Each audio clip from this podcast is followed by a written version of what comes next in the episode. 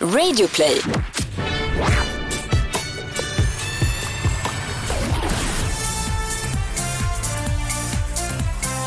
Varmt välkomna till Schlagerfesten.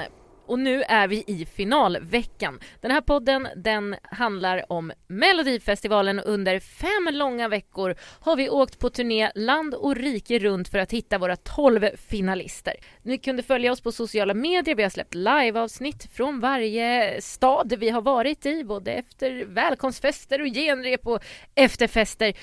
Och nu är vi äntligen här. Det är jag och Anders. Hallå Anders! Hej Elaine, det är så skönt att inte behöva släpa en resväska genom flera meter snö så som det har varit de senaste två veckorna här. Vi ska inte glömma att vi också har en social mediereporter som heter Tobias Torvid som har varit med på den här cirkusen och eh, som dyker upp igen såklart på torsdag. Onsdag är ju fest den här veckan. Vi är inte i studion själva dock. Vi har en finalgäst. Ja, alltså det som vi kanske förknippar med Eurovision i första hand, Men det är dit vi ska. eh, det är rösten bakom Eurovision i Sverige för väldigt, väldigt många. Eller som vi säger då på Eurovisionspråk, la voix. Eh, Så att jag välkomnar Edvard af Sillén. Hej! Hallå, hallå, hallå! Men han har ju också mellosträngar på sin lyra, det får vi inte glömma. Nej absolut och många andra kvaliteter också men i, för, jag tror för väldigt, väldigt många, han- jag, alltså, du är ju lite grann Pekka Heino för mig. Ja. Lite grann som Pekka Heino är för mig är ju du för de som tittar på Eurovision idag. Du kommenterar alltid, det ska vara den rösten. ja. Och när jag var ung och hörde Pekka Heino kommentera så älskade jag ju honom och ville ha hans jobb. Och nu har du det. Ja. Ett kort, kort tag till. Dreams can come true Ja, mina så vänner. är det faktiskt. Ja. Eh, vi, om vi börjar med kommenterandet, vi ska ju prata om mer saker som du har gjort naturligtvis. Eh, hur många gånger är det du har kommenterat? Nu är det sju gånger. Sju gånger. Eh, och vet du vad rekordet är? Ja, alltså Ulf Elving har rekordet med åtta gånger. Ja, Visst är det så va? så är det. Eh, Ja. Jag har nämligen dubbelkollat detta. förväg. okej. Så om jag får kommentera i år så skulle jag, så, vad heter det, tangera Ja. Ulfs rekord. Just det. Grejen är att det här kan ju verka världsligt i en normal podd eller en normal samling människor men för mig är det ju inte det. Jag ska, jag ska vara helt ärlig och säga att typ att få kommentera Eurovision det kanske är det lyckligaste jag har fått göra i mitt liv och, det låter, och jag har fått titta på en bio och se en långfilm som jag har skrivit på film. Och det trodde jag skulle vara det största i mitt liv, att få en film gjord. Eller att få regissera Eurovision, alltså allt det här. Men, men grejen är att i mitt hjärta så tror jag att kommentera typ är det som gör mig för jag, jag, jag trodde aldrig jag skulle få göra det när jag var liten. Jag trodde aldrig jag skulle få kommentera Eurovision. Och det är typ det jag allra helst ville. Satt du hemma och kommenterade för dig själv när du liksom var barn och såg Eurovision? Ja, men, ja typ. Men framförallt så kunde jag ju påorna utan till. Inte bara kunde jag liksom sjunga Lonnie Devantiers Hello Hello från Eurovision 1990. Jag kunde även liksom påan utan till. Och så att jag var lika, jag var lika förtjust i det. Och Terry Wogan var jag ju besatt av. Åh, Terry Wogan. Hur, hur, eh, hur blev det att du kom in på det här? Det var 2009 tror jag första gången som du kommenterade. Precis, hur söker jag jobbet? Jag vill Ja. också Ja, kommentera Eurovision. Jag hade ju aldrig förstått att man skulle söka det jobbet utan, utan det var så att jag kom in på Melodifestivalen 2009 på, ett- på ett bananskal för att jag arbetade med Petra Mede. Vi hade träffats i köket hemma hos Andreas Lundstedt när Andreas på en hemmafest sa Nej men gud, ni två har ju samma humor, ni måste träffas. Ah. Och sen så puttade han ihop mig med Petra och vi klickade. Och sen så började jag skriva för henne, för jag hade skrivit mycket för roliga kvinnor i många år. Mm. Sissela Kyle och Susanne Reuter och Kvarteret Skatan-tjejerna, sådana där saker liksom. Och Petra sökte någon som skulle skriva bara för henne och jag skulle vilja skriva för någon som kanske var lite ny, som jag kunde få vara med och, och, och putta fram eller ge en ton till. Och då träffades Petra och jag och, och sen så dök Melodifestivalen upp. Nu är en lång historia kort som ni hör. Ja. Alla hade tackat nej till Mello, ingen ville göra det. Det var året efter Lok. Mm, som hade fått Och- göra det i två år ska vi säga. Exakt Ja. så. Och vanligtvis får man ju jobbet, eh, en programledare får jobbet i augusti vanligtvis. Annandag jul oj. så rings Petra med det. Jäklar. Hur långt ner på listan var hon då? Ja, men vet du vad? Under Peter Sipen. Det var ju tur att han tackade nej då. Verkligen för vilken succé det blev. Ja det var, det, och, och, det var otroligt. Och då ringde hon mig annandag jul och sa jag har fått mello ska vi inte göra det här ihop? Och då Mm. kände jag att, ja ah, men det måste vi. Så vi kom in i en, med en stormvind i januari och började i panik skriva repliker. Vi hade ingen tid på oss. Och vi skrev och skrev och skrev och skrev och höll på att gå in i väggen. Och fick ett väldigt kul år. Och det blev väldigt uppskattat till slut. Vi blev också väldigt utskällda förstås, men det är väl vardag för Det oss började aldrig. ju framförallt väldigt utskällt de första tävlingarna, kommer Ja, jag ihåg. gud. Att det var en helt ny ton och så här Ja. hade folk aldrig sett Melodifestivalen förut. Men så var det och, och, och på den vägen var det och eftersom att Luke då hade kommenterat Eurovision eh, i två år och så skulle han sluta och så var jag där och Christer Björkman är en väldigt klok, snäll chef eh, och han har alltid trott på mig. Han har alltid, eh, ja, han har alltid trott på mig och gett mig chanser att få bevisa mig eller att försöka göra saker. Och han hade nog en känsla av att, att skulle inte det här passa dig perfekt med någon bredvid dig som är en större stjärna, eller som, som är en stjärna ska man säga. Vem, vem var den Som är första du känd. hade med dig då? Shirley Clamp och jag Just åkte ner Mm. till Moskva. Och hur var det? Berätta om den upplevelsen, hur kändes det? Jag hade panik. Alltså jag visste att det här kommer jag få göra en gång i mitt liv. Jag kommer aldrig få göra det igen. För jag fick göra det nu av en slags slump. Att kanske ingen bättre fanns. Så jag, jag visste liksom att det här kommer jag få göra en gång. Så att jag bara försökte njuta av det. Men jag hade också, jag, jag vaknade varje morgon och trodde jag hade tappat rösten. Det första, nej, nej, nu är den borta, nu är den borta. För det var det enda som kunde hota sändningen, att jag inte kunde prata. Mm. Körde för att göra det själv. Men jag, jag hade röst, den kom tillbaka efter frukost varje morgon. Och sen så gick vi in och så bara, och så körde vi. Och så blev det uppskattat. Nej, men du har ju fått väldigt mycket beröm för att du både lyckas vara humoristisk, precis rätt och lagom lite elak när Mm. det är påkallat men ändå att det aldrig på något vis är några tveksamheter kring att du älskar den här tävlingen. Om vi jämför då med Terry Wogan som du tog upp som exempel Mm. från Storbritannien som kommenterade i 780 år ungefär.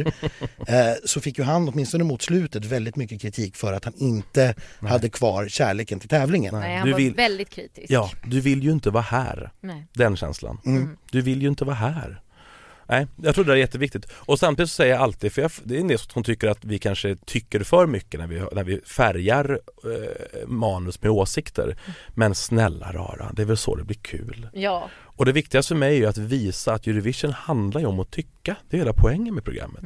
Jag tycker inte det ska förstöra för någon att, att kommentatorerna är tänkande människor med smak och tycke och smak. Och vi hyllar ju alltid mer än vi såg. Sen året efter så fick du chansen igen, Ja. 2010. Mm. Och då blev det ju lite speciellt för det var ju första gången Sverige åkte ur semifinalen och inte fick vara med Mm. i finalen. Mm. Vad, vad minns du från det året? Kan du berätta hur, hur var den känslan, hur var stämningen? Hur, hur förbereder man sig en som kommentator för att det eventuellt kan hända?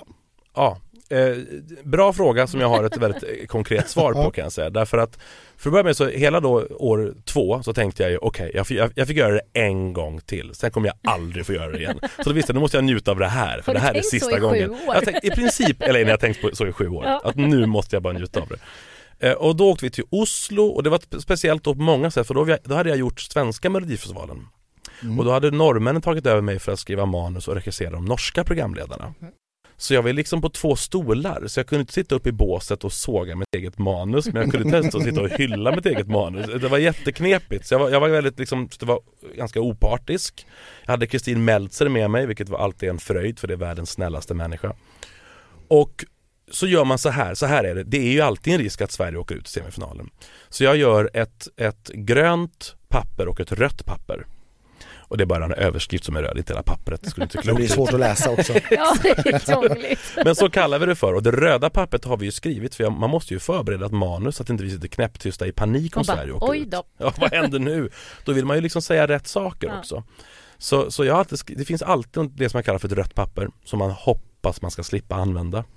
Och det var tufft kommer jag ihåg, det var jättejobbigt för Anna Bergendahl var ju en sån oerhört likable person. Att umgås med henne i en dryg vecka i Oslo var ju en fröjd. Mm. En sån snäll, god, klok tjej. Och en låt som jag tycker var jättefin. Det hände och vi tog fram det röda pappret och bara tog oss igenom det. Och försökte låta peppiga, att vara så här: okej det här kan hända, så här är det en tävling. Anna gjorde ett grymt jobb, var viktigt att säga tycker jag. Mm. Och titta ändå på lördag för vi kan heja på på andra favoriter. Men det konstiga var ju sen, för då åkte ju den svenska delegationen hem. Ja just det. Och kvar var liksom jag och Kristin Som gick runt där lite, lite lelösa och bara jaha För då var ju liksom den svenska resan slut men för oss är det inte det, vi måste kommentera finalen Mm. Christer var kvar förstås, vår head of delegation. Men så att finalen var väldigt speciell att kommentera utan en svensk att heja på. Det var, det var, lite, det var, lite, det var ju såklart halvkul om man ska vara ärlig. Eh, hur, hur länge är du där? På plats? Jag åker dit med den svenska delegationen. Mm. Varenda år har jag gjort det tillsammans med en till. Att få med sig någon som tittarna har en relation till mer än mig. För jag är ju inte en känd person liksom. Utan man vill ta med sig en artist. ehm, för att få lite stjärnglans i båset. Mm. Eh, och då så, jag åker först med delegationen och så är jag där under repen och följer repen och lyssnar på låtarna om och om igen och skriver ett manus. Och sen så kommer min co-kommentator på söndagen, två Mm. dagar innan första semin. Och då sitter vi och jobbar ihop. Men som tradition så träffar jag alltid kommentatorn såklart i Sverige innan man åker. Oftast över ett glas liksom rött och lite mat och titta på de 40x låtarna. Åh, Och, och så får personen i fråga tycka och reagera liksom naturligt i vardagsrummet och så försöker jag anteckna så mycket som möjligt utav hens reaktion Mm. som jag sen kan plocka med i manuset. För, för det är väldigt mycket manus. Jag vet inte om folk förstår det. Alltså det är så mycket manus. För det är två semifinaler alla två timmar, eller två och en halv kanske. Mm. Och sen är det en final som är sju timmar. Ja, eh, ja, vad, vad ni sa i Eurovision 2016 mellan fem och åtta timmar. Ja, visst, Mellan fem och åtta timmar kommer vi vara här nu. Och vet, vi ska ju prata och prata och prata. Jag försöker vara noga med att inte prata på fel tillfälle. Att vi inte pratar över, men aldrig prata över musik förstås. Det, Och, och allting är manusat. Ni improviserar nästan ingenting förstår jag. Nej, du vet det är ju så på sekunden Mm. för risken att man skulle råka prata när ett intro, vi skulle bli halshuggna och därför måste jag tajma allting på sekunden så att det är förskrivet. Däremot när folk ska ge sina röster, den här enorma röstningsproceduren som är då så vet, lång. det är det så långt, jag älskar det. Ja. Då vet ju inte jag hur det kommer se ut, vilken green screen de kommer stå framför. Det tycker jag är kul att improvisera lite kring. Ja. Och även vid de tillfällena du har kommenterat när Sverige har vunnit förstår jag att det blir lite improviserat. Ja, eller har ni ett bli. Jättegrönt g- eller guldpapper som också är Nej, det har vi, förskrivet? det har vi inte. Ja, man kan, det vågar jag inte för, förbereda. Ett guldpapper. Ja, exakt. Det. Eh, Vem bestämmer vem det är du har kommenterat med? Har du fått komma med önskemål? Det gör SVT, så Mm. det är projektledaren och Christer Björkman.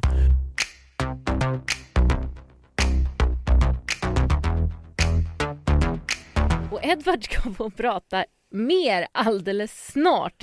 För vi har ju lite annat att avverka här idag också. Ja, men han har ju ofantligt mycket att säga, Edvard, så att eh, vi vill ju gärna höra mer av honom. Men vi har ju en final vi måste prata om också. Han tycker om att prata, det kan vi konstatera. Och det gör vi med. Ja, Speciellt om den här finalen. ja, och vi ska kanske börja med att påminna då om den här nyheten som kom innan hela turnén drog igång. Nämligen att man gör om röstningssystemet lite grann. Ja, det är ju spännande, men jag har inte riktigt förstått. Nej, alltså tv-tittarna kommer nog inte att märka någon stor skillnad egentligen. Nej. Eh, Men det som har hänt är att man har gett juryn lite fler poäng att dela ut. Tidigare använde man skalan 1, 2, 4, 6, 8, 10, 12 poäng. Just. Och nu kommer man istället att använda den klassiska Eurovision-skalan som är 1, 2, 3, 4, 5, 6, 7, 8, 10 och 12 poäng. Så det blir lite mindre poäng från juryn. Nej, det blir mer poäng från juryn. Men istället så kommer man också naturligtvis då öka tittarnas poäng lika mycket.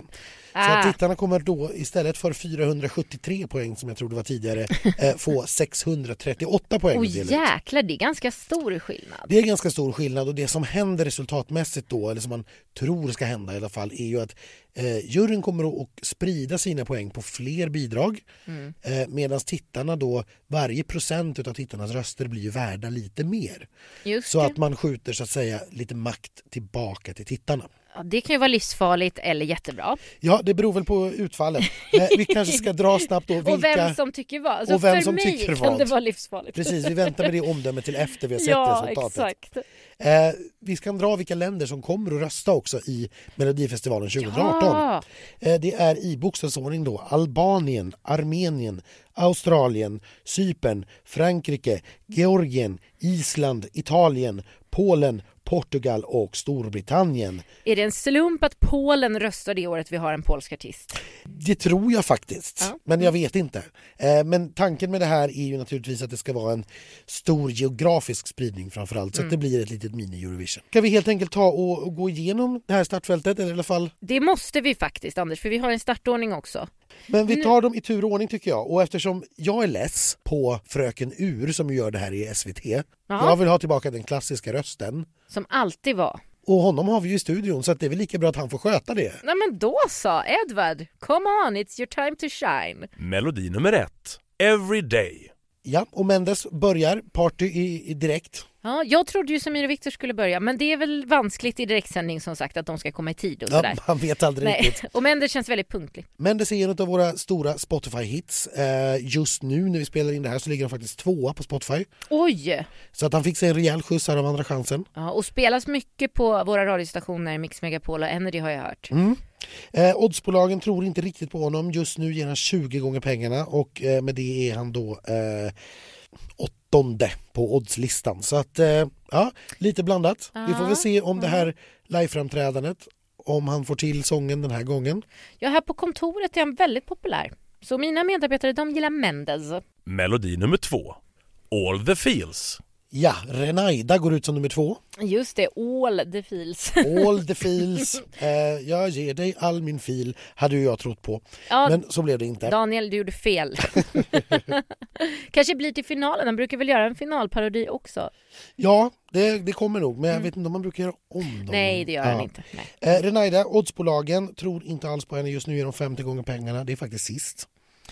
Och det är ju inte lite, det, det är ju inte långt ifrån vad vi har tippat heller. Nej, alltså jag tror inte hon kommer att vara med i toppen. Utan jag tror Nej. att hon kommer att vara eh, ganska långt ner. Hon Kommer från andra chansen och var väl kanske inte liksom den, den mest intressanta duellen egentligen. Så att nej, eh, går, går bra på Spotify för all del men inte fantastiskt. Hon ligger på plats 26 just nu. Men det är synd, för den är en så himla härlig tjej. Eh, och väldigt trevlig pojkvän hade hon. Vi åt ju frukost med honom i Kristianstad. Ja, han fick ju släpa alla hennes väskor till Stockholm eftersom hon skulle till Göteborg och spela Aladdin. Ja. Eller spela Jasmine ska jag säga. Ja, ja, hon spelar ju Ja. inte Aladdin. Det gör Shirley Grönvall. Melodi nummer tre, A bitter lullaby. Martin Almgren från Malmö. Ja, nästa. Melodi nummer fyra. Nej, okej, du ville prata om Ja, det. vi, må, vi måste okej nog då. göra det lite. Eh, det här, jag, jag tycker ju inte egentligen att det här är så dåligt. Jag tycker bara att det är lite meningslöst. Alltså det är en toe tapper som du sa sist. Den Mm. är lite catchy och det är en perfekt radiodänga. Men den är ju så tråkig, speciellt i paketeringen med Martin. Ja, och det här verkar inte riktigt ha flugit faktiskt på, på Spotify heller. Så det är åtminstone inte Spotify-publiken som, som röstade honom Nej, det vidare. är P4-publiken. Ja, och de verkar tydligen inte lyssna på musik annars. För tittar vi på var vi hittar honom på Spotify så får vi också scrolla ett bra bit ner och kommer vi ner till plats 31 just nu. Oj. Eh, Så att han ligger faktiskt till och med ännu sämre än Renaida. Eh, oddsbolagen tror inte heller på honom 25 gånger pengarna. Det är på tionde plats just nu. Får jag gå till melodi nummer fyra nu? Melodi nummer fyra, My turn. John Lundvik, den stora överraskningen i Karlstad. Ja, jag missade ju att hänga med honom. Jag har hört att han var jättehärlig. Han är supertrevlig ska jag säga. Och det här är ju en klassisk Eurovision-ballad. Jag ser framför mig att jurygrupperna kan gå, Igång kan ordentligt. gå apa får vi väl säga Ja, nu då. exakt. eh, på det här. Eh, vet inte riktigt vad vi kommer att ha tittarna här. Oddsbolagen har honom faktiskt just nu på, på en fjärde plats på åtta gånger pengarna vilket är, ja, det är ju väldigt högt upp. Den har inte riktigt flugit på Spotify heller med de allra, allra högsta men plats 15 är ändå inte dåligt för en sån här klassisk ballad. Melodi nummer fem, Party voice. Party voice, Anders! Ja, nu är, nu är det Party Voice som gäller och det hörs ju att vi har båda två här nu efter några veckor på turné. I alla fall jag. Jessica Andersson för övrigt ska vi väl kanske Ja, tillägga att det är. absolut. För det vet de flesta tänker jag. Eh, Jag var ju och fixade naglarna idag i PK-huset och hon som gjorde mina naglar, Malin, hon älskade Jessica Andersson. Hon är så snygg och hon är så vacker och hon sjunger så fint och det här är slager för mig. Så det där, jag tror att det där går hem i stugorna mer, jag tror den är underskattad. Ja, alltså den tog sig ju trots allt direkt till final, det ska vi inte glömma bort. Eh, på Spotify just nu ligger den på plats 23, eh, vilket kanske är bättre än vad jag kanske hade trott på förhand att den skulle gå. Det här är slagerns revansch nu. Den har legat väldigt högt på iTunes också ska vi säga. Nu är det inte så jättemycket försäljning som ligger där men oddsbolagen sätter henne ganska mycket i mitten på plats nummer 6 med 17 gånger pengarna. Melodi nummer sex, Last breath. Liamo kommer, vår gäst från Göteborgsveckan. Ja, kommer ni ihåg det ens? Kommer du ihåg det? Jag kommer ihåg det, inte minst därför att det var han som vann det stora schlagerslaget. Och han ska få pris i Friends Arena på torsdag. Jajamensan. Det ska bli kul. Vi ska väl även försöka hoppas göra lite annat roligt med Liamo för vi har ju valt att följa upp eh, de flesta av våra gäster även under finalveckan. Men det kommer i fredagsavsnitt och framför allt eftersom vi har så kort om tid nu när det är så många artister på våra sociala medier på Facebook och på Instagram där vi heter Schlagerfesten. Tada! Precis. Eh, Liamo just nu eh, ligger på plats 9 på Spotify. Ja, det är inte dåligt. Det är inte dåligt, eh, men det är inte heller allra, allra högst upp i toppen. Han är femma på den oddslista jag just nu tittar på med nio gånger pengarna. Då låg han ändå etta innan han tävlade får vi komma ihåg. Men topp fem tror jag för våran lilla Liamo. Det tror jag också. Vi får se vad han själv tror. Det ska bli spännande. Melodi nummer sju. Shuffla. Du, du, du, du, du, Samir och Viktor. Du, du. Samir som jag fick dansa och härja med i Kristianstad. Där var Mm. han och tog hand om Sigrid Ja, och de, och eh, mig. och de missade ju tyvärr tåget hem från Kristianstad så de fick vara på vårt tåg som de inte alls var bokade på. Nej men det gick bra. Det gick bra. Och Samir skyllde allt på Sigrid läste jag i Aftonbladet. Ja, dessutom. Men jag, jag gick i alla fall förbi på tåget och gratulerade till Spotify-ettan. För de är nämligen etta Ja. på Spotify just nu i Sverige. Ingen annan låt strömmas mer än Shuffla. Det tycker jag är ganska härligt. Det är superhärligt, men det man kan tacka eh, gudarna för, alltså det som gör att de inte kommer vinna ändå fast de är Spotify etta, det är ju för att barnen lyssnar ju sönder sig på det här. Och barnen får bara fem röster för de kommer inte bli tillåtna att ringa och smsa. Och jag ska inte vara elak mot barn, jag lyssnar också sönder och samman Ja men på den här absolut, låten. men du Jag kommer inte rösta på den till, till Lissabon, nej det kommer jag inte göra. Nej. Och det återspeglar sig ju i oddsen, Eh, de är på plats 9, 20 gånger pengarna. Melodi nummer åtta. For you. Och sen Mariette. Åh, For You ligger på plats 14 på Spotify så att den ligger högt upp men Mm. inte alls med uppe i den absoluta toppen. Eh, oddsbolagen har henne fortfarande på tredje plats. Mm. Eh, 7,5 gånger pengarna på den listan jag tittar på. Eh, men eh, ja, jag vet inte, som sagt det har inte riktigt flugit. Å andra sidan gjorde det inte riktigt det för Robin Bengtsson förra året heller som jag minns det. han bassades ju mest för att han hade det där fula F-ordet i Mm. sin låt. Så att eh, vi ska väl inte räkna ut det här helt men som sagt det saknas ett litet buzz här för att Ja. man riktigt ska Och jag tro på det tycker kanske. faktiskt att det saknas någonting både i låten och numret också. Jag älskar Mariette, men eh, de ska ju jobba på kläderna. Det kanske gör sitt till. Kan göra det. Kanske och, får vi öppna den här pyramiden. Som ett litet Kinderägg. ja. Nej, vi får se vad, vad, vad, hur det här blir som sagt. Ehm, Också men en av våra gäster, så henne ska vi också följa upp under veckan. Självklart, såklart. vi håller dem i handen hela vägen. Det gör vi. Eller om det möjligen är tvärtom. Ja, det är frågan. Melodi nummer nio. Every single day. Nu Elaine, Mm. Felix Det är här vi Hammar. kommer till att det, är jag, eh, att det är han som håller mig i handen, för det är jag som behöver stödet. Ja, han tog sig till final. Ja, tack och lov. Gud. Mm. Och det är spännande för det var många i Kristianstad som började prata om att ja, men det här skulle faktiskt kunna vara en vinnare. Ja. För den har många likheter med Robin Stjernberg som ju hittills är den enda som har Mm. vunnit från Andra chansen 2013. Eh, för det första, sista deltävlingen. Mm. Eh, och dessutom inte ett fantastiskt framträdande i sin deltävling Nej. utan som blev väldigt mycket bättre i Andra chansen. Ja.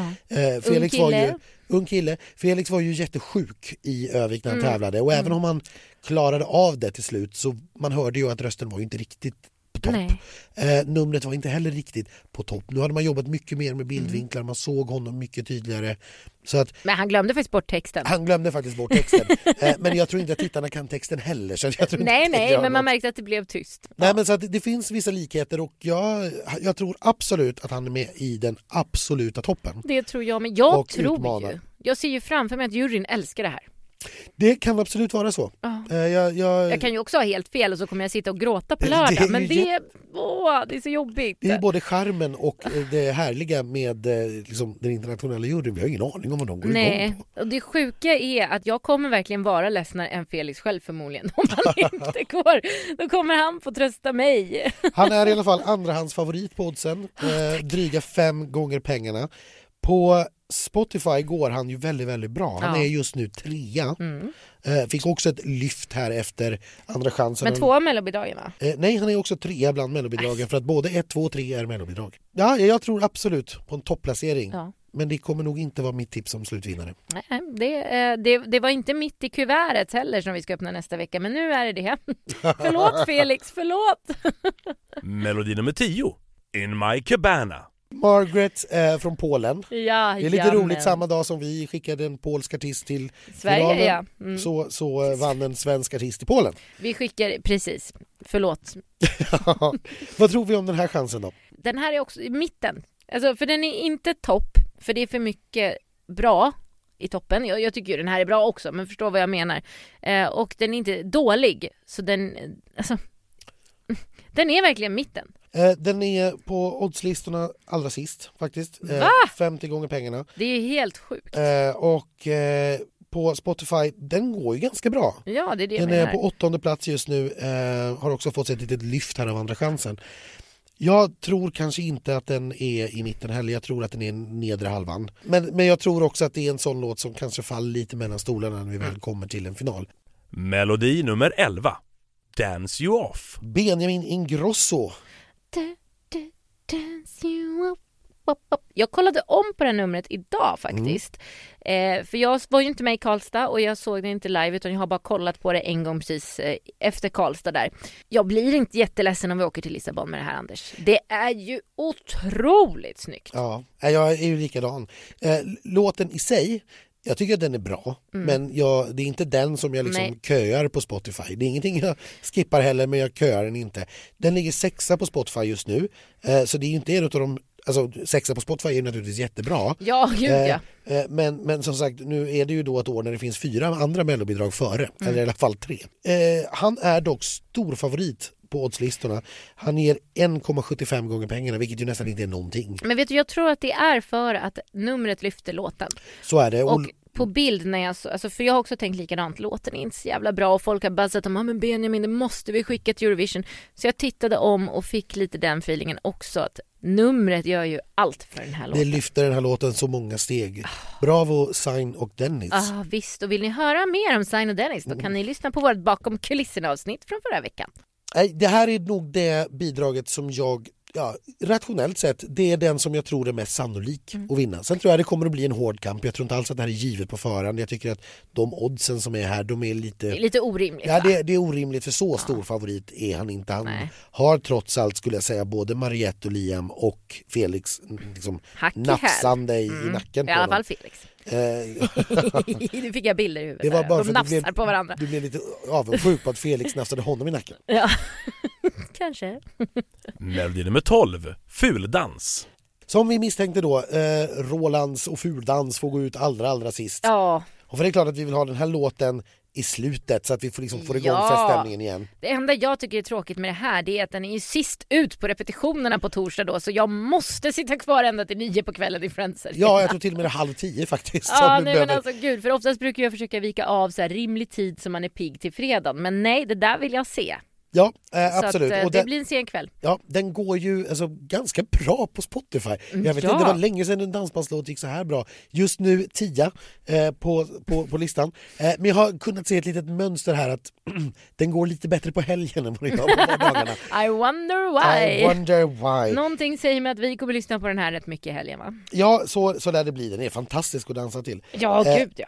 Det här tror ju inte heller oddsbolagen på. Den är på plats 8 med 18 gånger pengarna. Och nej, det är klart att inte det här kommer att vinna. Alltså jag, jag känner så här. Jag tror absolut att det kommer få typ topp fem av tittarrösterna. Mm. Däremot så kommer ju inte juryn gå igång på det här. Jag har jättesvårt att tro det. Så att det kommer inte hjälpa. Men publiken älskar det. Det här är en bra låt, jag hävdar ju det med en Mm, dåres ja. envishet. Och det är ett kul shownummer och eh, liksom bra show. Kan man översätta den till engelska om den skulle gå till Eurovision? Det tror jag inte är aktuellt alls. Ugly då, dance, då, tror jag att den får, dance. då tror jag att det får vara på svenska i så fall. Ja, okej.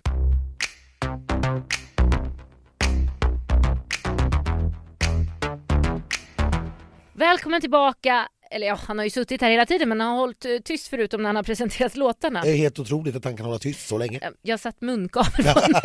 Du stängde av micken, det var så det var. ja, lätt, för, Ja. lätt, lätt gjort. Har du några så här riktigt härliga minnen från när, eh, alltså, så här, någonting som har blivit väldigt, väldigt roligt som du har varit väldigt nöjd med? Ja men jag tycker det är kul att kommentera sakerna, alltså, jag älskar ju omröstningsproceduren, den är så lång, då måste man ju få skratta lite. Eh, och då har jag sagt saker som har upprört folk, för det, det är en man som alltid ger poängen för Grekland. Och han är ju i 70-årsåldern, en väldigt elegant äldre herre. Och ett år hade de bara sagt, satt eh, hade de satt hela, vad heter den, Akro Akropolis Ja, på stenbild bakom Mm. honom och det var så givet, det var så kliché på något vis. Och då sa jag bara att faktum är att han har stått där sen den där byggnaden byggdes. och då tycker folk att det var åldersrasism, Nej, men. vilket är jättekonstigt.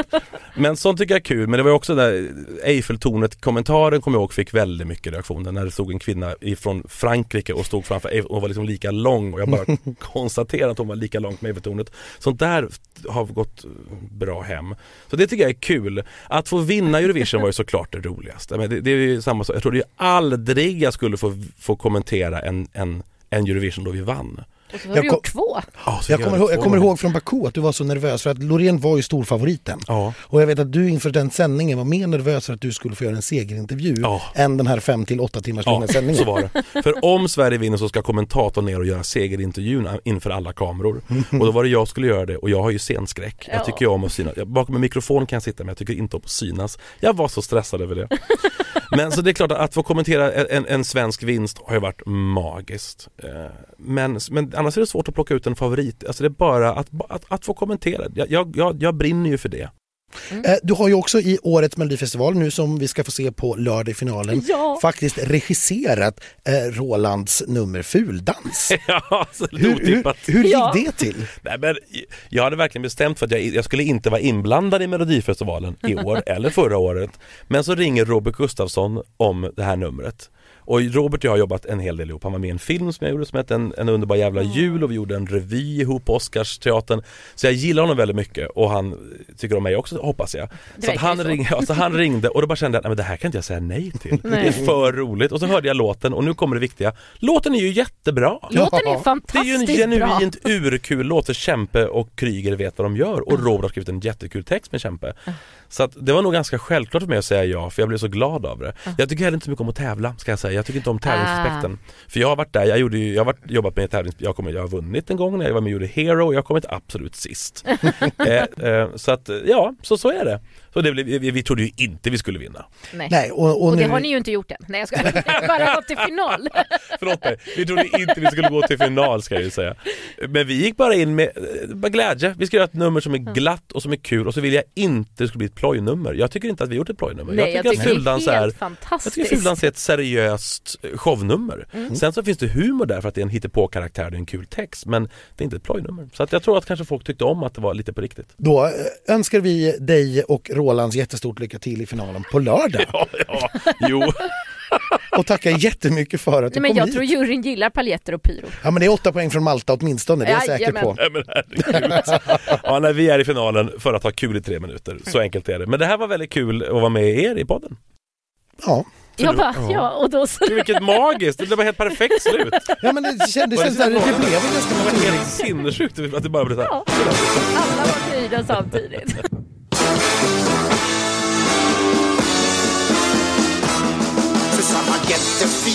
Tänder. Mark kan göra piruett Men ingen av dem väcker känslor som Annette mm. Hon har en stil som ingen annan. Hon dricker öl och spottar snus. Lång och låghalt sprider hon sitt ljus. En boogie-boogie-brud i boogie-boogie-skrud Som hon dansar swingdans, herregud. Allting sitter snett, ändå blir det rätt. När vi ger oss ut i vår En boogie-woogie-tjej som inte säger nej Till en pojke som förälskat sig. Vi kan dansa hela natten lång. Det blir ett jädra hålligång. Vi dansar fuldans, fuldans. Vi dansar fuldans, fuldans. Vi dansar fuldans. Det blir ett jädra hålligång.